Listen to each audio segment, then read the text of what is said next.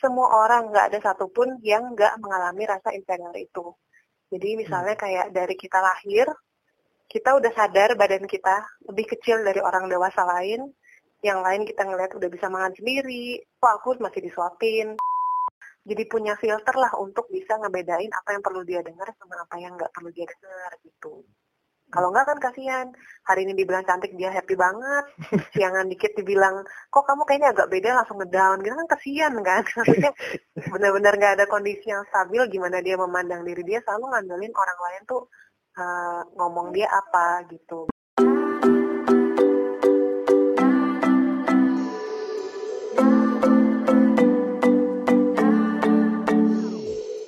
Well, hello everyone, and welcome back to Rain Sweat Podcast with me Rain as your host, and I will accompany you for several minutes ahead. Nah, kali ini kita bakalan ngobrolin tentang rasa insecure bareng Bu Alexa. Dia ini tuh clinical psychologist, certified hypnotherapist, dan ego state therapist. And as usual, without further ado, let me call her.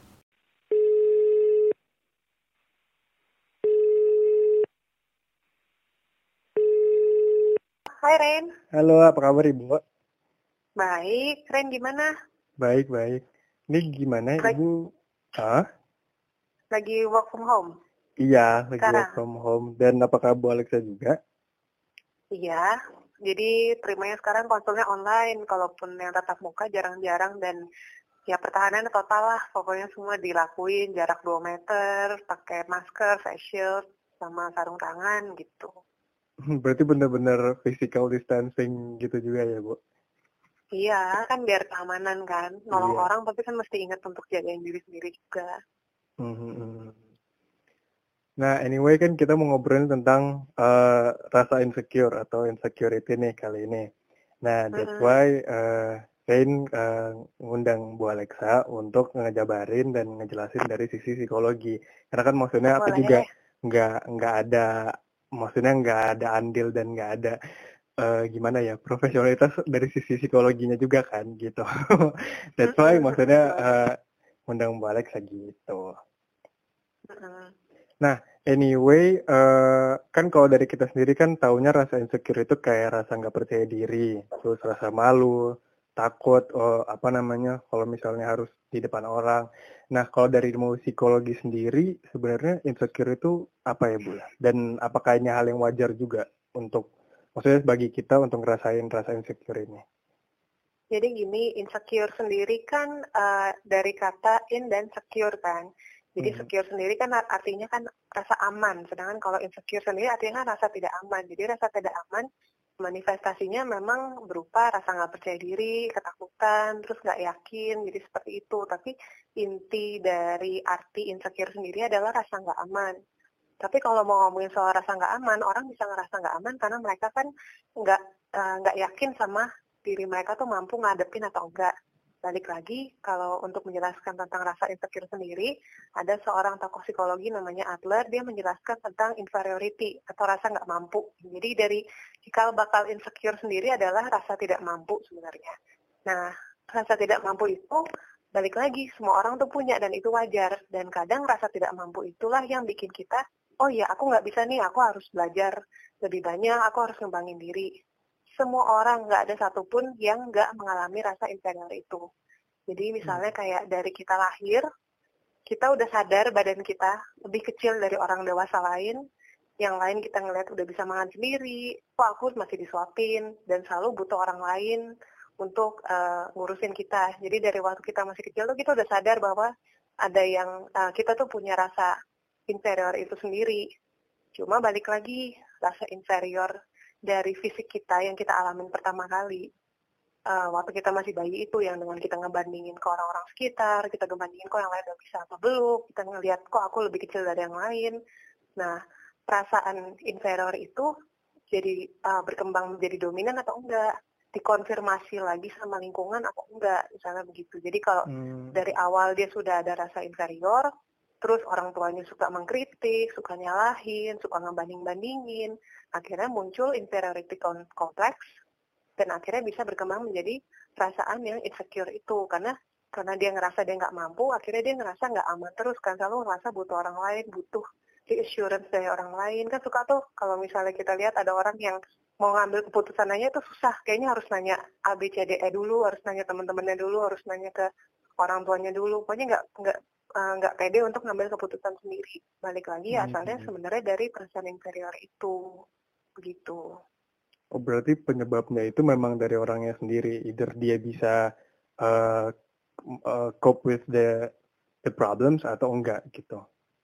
Ya dengan inferiority-nya dia. Karena kan kita sebutlah orang-orang kan nggak ada yang sempurna ya pasti punya uh, kekurangan. Mm-hmm. Tapi ketika kita terlalu fokus sama kekurangan itu dan kekurangan kita tuh benar-benar di, dikonfirmasi. Ibaratnya gini, dengan kita hidup, dengan kita bersosialisasi sama orang ataupun dididik sama orang tua kita, kita kan pasti ada suatu kayak semacam keyakinan yang ada di alam bawah sadar kita bahwa kita itu harus menjadi orang yang seperti apa kita harus memenuhi ekspektasi orang yang bagaimana supaya kita bisa diterima masyarakat, supaya kita bisa dianggap mampu, supaya dianggap uh, baiklah, maksudnya uh, normalkah, baiklah, sesuaikah sama orang-orang lain. Nah dari ekspektasi itu, kalau memang kita sering ngerasa nggak tercapai, kayak misalnya uh, aku ngerasa, misalnya ada orang yang aku kok ngerasa uh, kurang kurang ganteng ya atau kurang cantik ya dan itu memang dikonfirmasi terus jadi orang tuanya juga suka mengkritik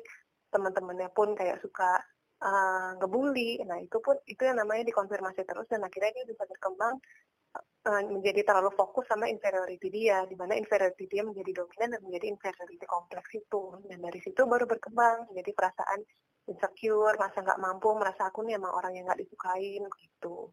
Hmm, oke. Okay. berarti memang uh, selain dari dirinya sendiri dari faktor eksternal kayak orang tua itu juga juga ikut ya uh, untuk untuk membentuk nilai standar value-nya dia itu jadi hmm, okay. aku tuh memang harus uh, aku tuh udah bisa sesuai sama standar yang aku tetapin nggak sih karena kan ada orang yang kayak misalnya nih let's say misalnya kayak saya Ren kan pernah lihat saya orangnya bentuk badannya gimana lah nggak terlalu tinggi nggak terlalu kurus. Tapi karena saya berpikir ya memang saya kan nggak mau jadi model. Ibaratnya saya nggak mau jadi model catwalk. Jadi saya nggak terlalu fokus ke inferiority physical inferiority saya gitu. Karena tanpa harus uh, menyesuaikan fisik saya pun bukan itu kok yang saya kejar. Saya bisa ngembangin kelebihan-kelebihan saya yang lain. Karena saya dari kecil didukung oleh orang tua saya bahwa mungkin uh, ini memang keunikan saya. Udah dikasih tahu lah diingetin bahwa ini keunikan saya tapi kamu punya keunikan lain yang bisa kamu kembangin loh. Nah kalau dari kecil sudah didukung dan dikonfirmasi kalau dia orang yang memang uh, punya kelebihan, dia punya cita-cita yang memang uh, ini keunikan kamu yang gak bisa kamu ubah ini, nggak ada hubungannya loh sama cita-cita yang ingin kamu capai, sama ekspektasi yang kamu tentuin sendiri ini, ya kan jadinya kita jadi nggak ngerasa oh ya memang nggak terlalu bermasalah sih gitu. Hmm, hmm, hmm. Berarti back again value orang itu gimana dan cara dia melihat sesuatu juga gimana gitu kan bu? Betul. Uh, Nah, kalau misalnya dengan overthinking, itu ada hubungannya lagi nggak, Bu? Gimana? Uh, dengan overthinking. Overthinking. Uh -uh. Ya, jadi uh, itu uh, overthinking itu lebih kepada jadi overthinkingnya itu muncul karena ada insecurities, karena dia ngerasa nggak mampu, dia nggak pede, dia mempertimbangkan segala kemungkinan, tapi lebih ke kemungkinan-kemungkinan yang negatif gitu. Oh, jadi itu kayak ini lingkaran setan sih, uh, bukannya oh karena overthinking jadi insecure tapi justru karena insecure dulu orang jadi overthinking dan karena overthinking jadi tambah insecure misalnya begitu oke oke okay, Berarti memang ada ada lingkaran. Uh, uh, ada penyebab, ada sebabnya tuh akhirnya baliknya ke situ-situ lagi muter-muternya. Mm -hmm, betul. Oke. Okay. Nah, ke, gimana dengan misalnya kayak dengan uh, insecure? Kan banyak nih yang ngebahas tentang insecure. Salah satu uh, cara orang bilang cara salah satu cara mengatasinya itu adalah dengan mencintai diri sendiri terlebih dahulu. Kayak dia menerima dirinya sendiri seperti apa, terus kemudian uh, uh, apa yang pengen dia apa namanya pengen dia raih juga. Nah, apakah ini benar-benar salah satu cara mengatasinya atau gimana, Kak Jadi begini, uh, kalau misalnya orang-orang uh, yang mengalami masalah inferiority dan sering menjadi sering merasa insecure, artinya kan dia nggak merasa bahwa dirinya cukup. Nah itu kan hmm. berhubungan juga dengan yang namanya self esteem ya, gimana dia mengukur seberapa mampu dia. Namanya juga esteem, estimasi, pengukuran lah kita ingatkan yeah. begitu. Jadi seberapa aku mampu uh, menghadapi uh, semua tantangan yang aku hadapi secara mandiri itu. Nah, kadang-kadang ekspektasi yang ditetapkan oleh dia sendiri kurang ideal sama kondisi yang uh, bisa dia capai. Nah, semakin ekspektasinya tinggi kan, kalau memang dia nggak sesuaikan dengan kondisi ideal dia kan jadi sering gagal ya. Nah, dengan dia hmm. sering gagal, hal itu juga berpengaruh sama self esteem dia. Jadi dia akan ngerasa terus, kok aku nggak bisa ya, kok aku nggak bisa uh, berhasil, kok aku gagal terus, seperti itu. Nah, dari situ biasanya kalau misalnya dia udah ngerasa eh, nggak uh, mampu, orang itu akan jadi ngerasa bahwa dirinya itu memang kurang dibandingin orang-orang lain seperti itu. Jadi biasanya memang kalau kita udah menyadari kurangnya kita apa, kan mungkin uh, teman-teman ataupun lain sendiri pernah dengar tentang yang namanya doa apa ya waktu itu saya lupa deh ada satu doa kita nggak ngomongin soal agama ya hmm. tapi uh, lebih ke kalau nggak salah doa tentang keterbukaan hati. Ntar, ntar saya cari dulu. Uh, boleh, intinya boleh. adalah dari doa itu sebenarnya kata-katanya sih bukan soal spiritual ataupun imannya ya, tapi dari doa itu menjelaskan bahwa kita itu punya uh, keberanian untuk merubah apa yang bisa kita ubah, penerimaan untuk menerima apa yang kita nggak bisa ubah dan kebijaksanaan untuk membedakannya. Tapi saya lupa nama doanya apa nih gitu. Tapi dari kata-kata itu kan kita bisa lihat ada hal okay. yang bisa kita ubah, hmm. ada hal yang kita nggak bisa ubah dan kita harus bijak untuk memilahnya. Untuk hal-hal yang kita nggak bisa ubah, kalau kita memaksakan untuk berubah seperti yang tadi saya bilang ekspektasinya nggak ideal gitu. Misalnya kayak uh, pokoknya saya harus uh, punya tinggi badan sekian. Itu kan susah sekali diubah. Mungkin kalau berat badan masih bisa diubah. Tapi kalau misalnya fisik yang aku mau tingginya sekian gitu itu kan susah nggak apa nggak nggak mudah untuk diubah gitu. Hmm. nah kalau sudah seperti itu dia ngerasa inferior terus dan uh, dia nggak menerima dirinya gimana dia bisa bikin orang lain menerima dirinya gitu. Jadi maksudnya self love di sini adalah kita terima dulu diri kita, kita embrace dulu apa yang menjadi keunikan kita, baru kita bisa ajak orang lain uh, menerima kita kan itu seperti itu Oke, berarti memang uh, untuk membedakannya ini benar-benar dibutuhkan wisdom. Either kita tahu kayak oke okay, ini kelemahan dan kita ngerti itu kelemahannya kita, baru uh, dari kelemahannya ini apa yang bisa di-embrace, apa yang bisa di, diperbaiki sedikit demi sedikit dan dari mungkin ada potensi yang bisa diambil juga gitu kan, Bu. Betul. Jadi kayak yang contoh soal tinggi badan tadi ini saya sering mm -hmm. kasih contoh sih ke pasien-pasien dan ke orang-orang yang sering menanyakan soal self esteem ini. Jadi misalnya uh, dengan tinggi badan, biasanya nih kita saya ngomong ini contohnya pakai fisik karena fisik yang paling mudah untuk uh, dilihat dan mudah untuk dirasain semua orang ya. Mm-hmm. Jadi contohnya gini kayak ada seorang yang mungkin tinggi badannya perempuan, tinggi badan mungkin 160, badannya juga yang kategorinya bukan yang terlalu kurus, tapi dia benar-benar pengennya tuh jadi model catwalk di Prancis gitu misalnya. Hmm. Terus dia ngotot, pokoknya aku harus mau jadi model catwalk di Prancis dengan cara aku ikut audisi misalnya. Kira-kira memungkinkan nggak dia bakal diterima nggak kalau dia ikut audisi bersama dengan orang-orang yang tinggi badannya mencukupi dan tubuhnya tergolong uh, standar sesuai dengan model-model catwalk di Prancis gitu. Dengan postur tubuh seperti dia, kira-kira dia bisa diterima nggak? Sebenarnya kalau dari dari sisi awal saja tuh udah udah, udah enggak sih karena kan dari tinggi badan juga enggak betul kecuali misalnya dia uh, ini ya apa namanya uh, memang dia artis atau dia uh, penyanyi atau selebriti ya ya mungkin ya bisa untuk jalan di catwalk gitu. Nah, itu jawaban yang bagus sekali, Ren. Itu jawaban yang bagus sekali. Itu yang mm -hmm. perlu kita tentukan kita bukannya menyerah sama keadaan, oke okay, aku udah nggak bisa jadi model catwalk di Prancis, tapi at least ada cara lain yang bisa bikin aku jadi model misalnya gitu. Salah satunya contoh benar, ya jangan lewat jalur audisi biasa, tapi aku uh, punya pengaruh ke orang lain, aku punya pengaruh ke uh, media sosial secara luas, sampai aku dikenal orang, dan akhirnya aku bisa terjun ke uh, catwalk di Prancis, model catwalk di Prancis itu atau kadang kalau saya kasih contoh ke teman-teman atau ke pasien-pasien, andaikan pada akhirnya oke okay, saya mau jadi ini aja deh perancang baju misalnya. Saya ngerancang baju, saya bikin lain baju saya sendiri, dan akhirnya one day saya ngajak uh, udah punya lain baju saya kembangin, saya ngajak kerja sama boleh, eh saya mau itu dong mau apa namanya mau catwalk, mau ngadain fashion show di mall ini boleh nggak? Tapi saya mau jadi modelnya. Jadi dari lain baju kita sendiri, kita yang peragain bajunya. Jadi selain model-model lain, kita pun peragain bajunya kan sama aja. Kita juga jadi model model peragaan busana juga, tapi nggak harus yang benar-benar ideal sekali seperti yang dia pikirin harus lewat audisi yang di Prancis itu. Nah, mm -hmm. seperti itu.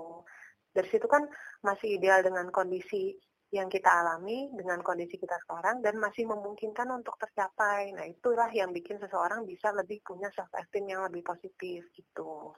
Oke, okay, nice. Jadi berarti memang lihat si peluangnya apa, terus kayak oke okay, dari sini apa yang bisa dilakukan gitu. Mm -mm. Hmm. Jadi memang kitanya dulu yang harus sayang dan terima diri kita, baru kita bisa uh, mengajak, kita bisa kayak memberi, kita bisa embrace keunikan kita itu supaya orang lain pun bisa menerima kita gitu. Uh, menarik nih untuk dibahas. Ada lagi pertanyaannya nih Bu. Boleh. uh, uh, nah kalau misal kan tadi kan kita harus uh, mengerti dulu uh, si ininya kita kelemahannya kita seperti apa dan kita harus uh, berdamai dengan kondisi itu sampai kita tahu nanti potensinya seperti apa. Nah, gimana dengan kan ini juga tadi ada tentang konfirmasi dari orang sekitar. Gimana kalau misalnya uh, case-nya dia uh, apa namanya dia sudah mengerti kelemahannya dia, dia sudah mengerti dirinya seperti apa dan uh, untuk inner circle-nya juga orang-orang yang sudah mendukung dia untuk uh, uh, apa namanya menggali potensi dirinya sendiri dan dan maksudnya udah dikasih tahu gitu loh kayak potensi kamu itu ini uh, kamu ngelakuin ini. Tapi jadi dukungan dukungan emosional dan apa dukungan emosional sama psikologis dari keluarga cukup baik ya maksudnya ya Uh, lebih ke inner circle. Ini ini sebenarnya karena ada dari teman sih. Jadi saya coba coba coba tanyakan. Dan uh, real life juga. Uh, jadi nah kalau dari sisi inner circle pertemanannya itu kita kayak oh jadi inner circle tuh maksudnya uh, lebih ke lingkungan sosial di luar ya bukan di dalam keluarga ya. Jadi dari teman-teman deket ya. Iya nah dari dari sahabat-sahabatnya lah gitu. Oh, uh udah udah kita udah selalu uh, bilang dan kalau misalnya seperti ini A B C D E gitu lah nah tapi ketika balik lagi ke orang-orang yang sering bertemu dengan dia maksudnya bukan bukan hal ini uh, sahabat-sahabatnya mungkin orang-orang di pekerjaannya terus kemudian uh, balik lagi ke keluarga besarnya uh, dia balik lagi uh, gimana ya maksudnya it slightly change ke dia yang ke dia yang sebelumnya gitu loh jadi kayak dia dia selalu ngerasa kalau aku jadinya kurang ini kurang ini kurang ini dan akhirnya balik lagi ke kita sebagai ke kita hmm. teman-temannya uh, dengan kondisi yang sama se sebelum kita nyemangati lagi. Jadi kayak sebenarnya kayak kita juga jadi sahabatnya juga capek juga kan.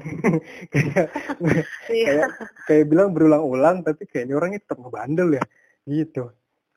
Nah itulah bedanya kalau misalnya orang kan suka mikir kalau ke psikolog tuh curhat ya, padahal sebenarnya ke psikolog ke psikolog itu adalah kita melakukan uh, sesi konsultasi psikoterapi. Itu bedanya antara dia curhat sama dia psikoterapi. Kalau dia curhat itu sama kayak orang pergi ke motivator.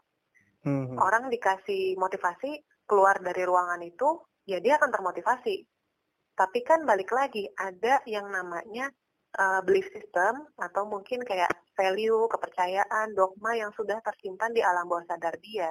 Dari situlah perannya psikoterapi untuk membantu dia secara mandiri bisa menghadapi uh, semua hal-hal yang menjadi trigger insecuritiesnya dia gitu. Jadi tanpa ada konfirmasi dari orang lain pun dia sudah bisa menantang pikiran irasional dan mengkonfirmasi bahwa dirinya itu mampu, bahwa dirinya itu tuh sudah berada di kondisi aman dan dia itu sudah bisa menghadapi eh, masalah-masalah uh, yang dihadapi itu secara mandiri begitu. Jadi kalau misalnya memang uh, bisa dikatakan sistem kepercayaan, value, dogma ataupun nilai-nilai yang dia pegangnya masih belum bisa dipulihkan, masih terluka, masih trauma, ya akan sulit bagi dia untuk bangkit misalnya begitu karena kan balik lagi mungkin teman-teman ketemunya baru-baru ini sedangkan dogma yang diberikan dari orang tua mungkin ataupun kayak uh, perbandingan-perbandingan sama kakak-kakak adiknya ataupun kadang-kadang kan kalau di keluarga besar ada golden child juga kan jadi yang si hmm. golden child ini yang di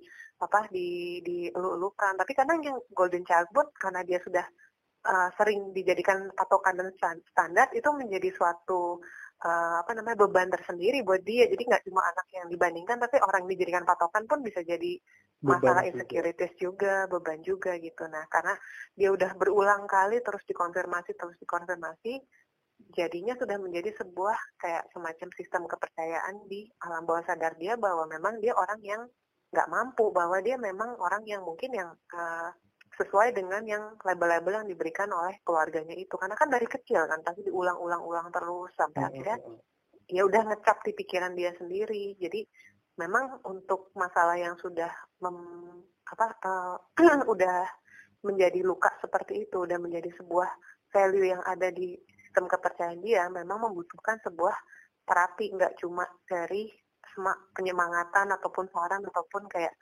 uh, motivasi dari orang lain seperti itu.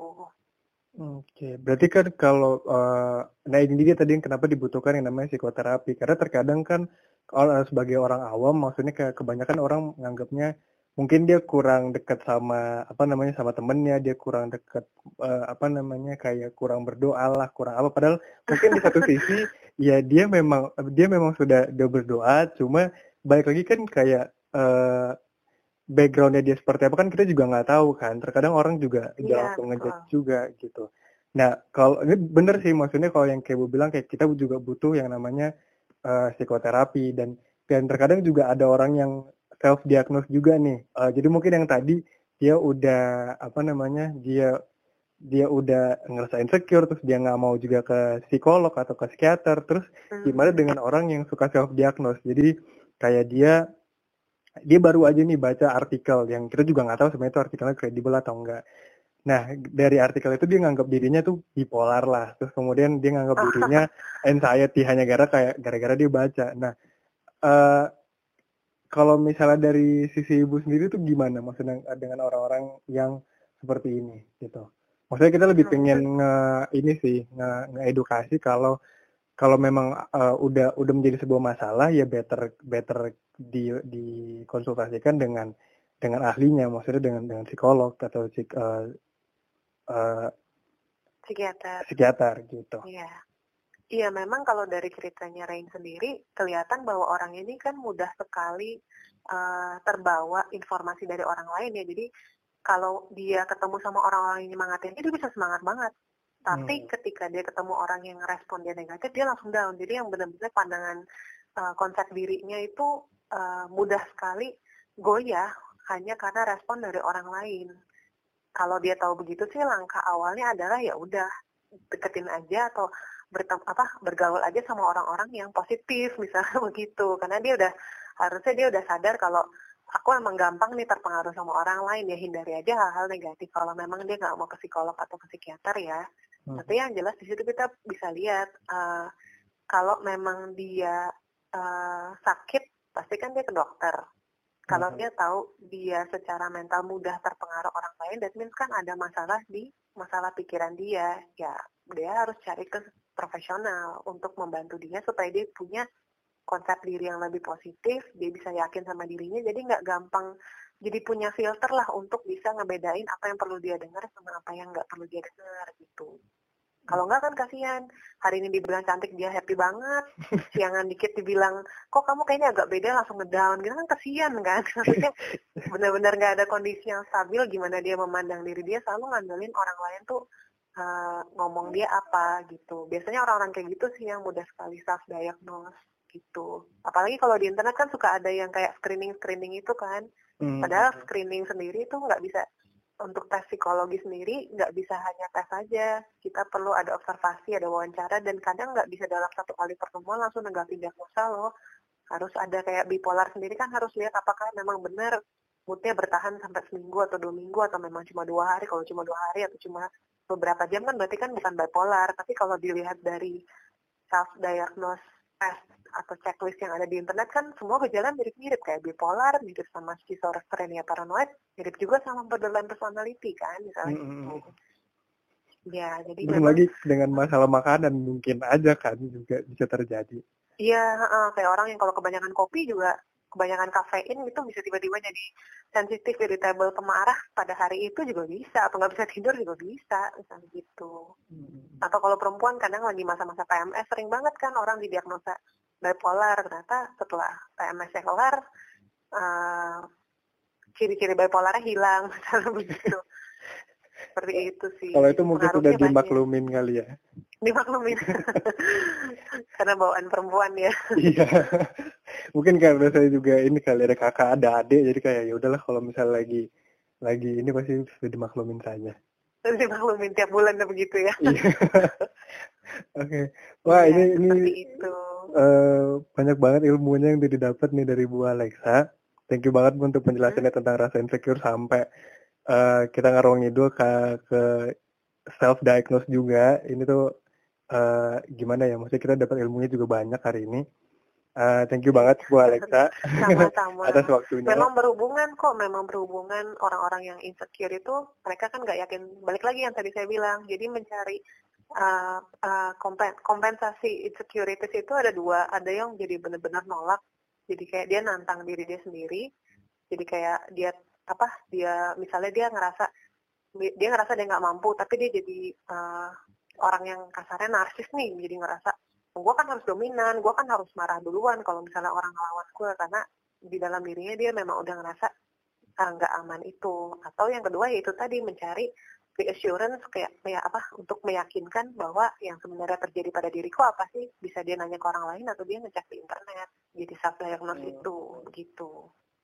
Berarti tergantung cara orang uh, cara mengatasi dan bukan cara mengatasi sih tapi kayak iya cara mengatasi tanda kutip dari dalam dirinya sendiri kayak gimana ada yang mungkin jadinya uh, lebih yang kayak tadi lebih apa namanya lebih uh, apa self oriented yang yang oh ya uh, uh, jadi nggak uh, kalau orang yang kelihatan over pede nah iya over pede, pede itu maksudnya uh, over pede dan terlalu pede terlalu dominan nggak mau kalah justru kita perlu curiga. Jangannya dia memang orangnya benar-benar insecure sekali sampai dia tuh nggak mau dilawan sama sekali gitu. Hmm, okay. nice nice ini buat ibu-ibu guru yang galak kali ya. Kayaknya punya punya sesuatu nih yang tersimpan. enggak, enggak, enggak. Ingatnya ke sana. Oke. Okay. Ya mungkin saja kan, tapi ya sudah lah ya. Mohon maaf ibu guru yang galak. okay. Yang penting niatnya baik. Iya, yang baik Mau mengajar. Mengajar dan mendidik. Mm -mm. Thank you banget Bu Alexa. Oh ya teman-teman kalau misalnya mau uh, mengunjungi uh, Instagram Bu Alexa bisa di @alexa.adeline. Bener kan Bu Alexa? Iya IG-nya. Nah di situ informasi saya lengkap kok tentang praktek. Kalaupun ada yang mau nanya-nanya, memang nggak bisa konsultasi. Tapi hmm. kalau memang ada yang mau nanya, boleh ke DM. Saya aktif di DM kok. Hmm. Nah kalau misalnya juga mau konsul untuk apa namanya untuk masalah psikologinya juga bisa langsung ke ibu juga kan maksudnya uh, kayak bu ini saya mau konsul kira-kira gimana ya nah, itu kan pasti juga bisa kan bisa bisa dan di situ kan juga saya mencantumkan apa uh, IG-nya tempat-tempat praktek saya itu mereka semua ada ada kontak centernya kok tapi kalau mau ke saya juga juga ke saya dulu juga nggak apa-apa nanti paling janjian aja enaknya di mana kan saya prakteknya di tiga tempat kan gitu. Mm -hmm. Oke. Okay. Oke, itu dia teman-teman dari Bu Alexa. Thank you banget Ibu. Iya, sama-sama. Semoga membantu dan menjadi informasi buat teman-teman sekalian ya. Thank ya. you, Ibu. Uh. Ya, thank you Ren ya. Selamat ya, take care. Yo, hmm, dadah.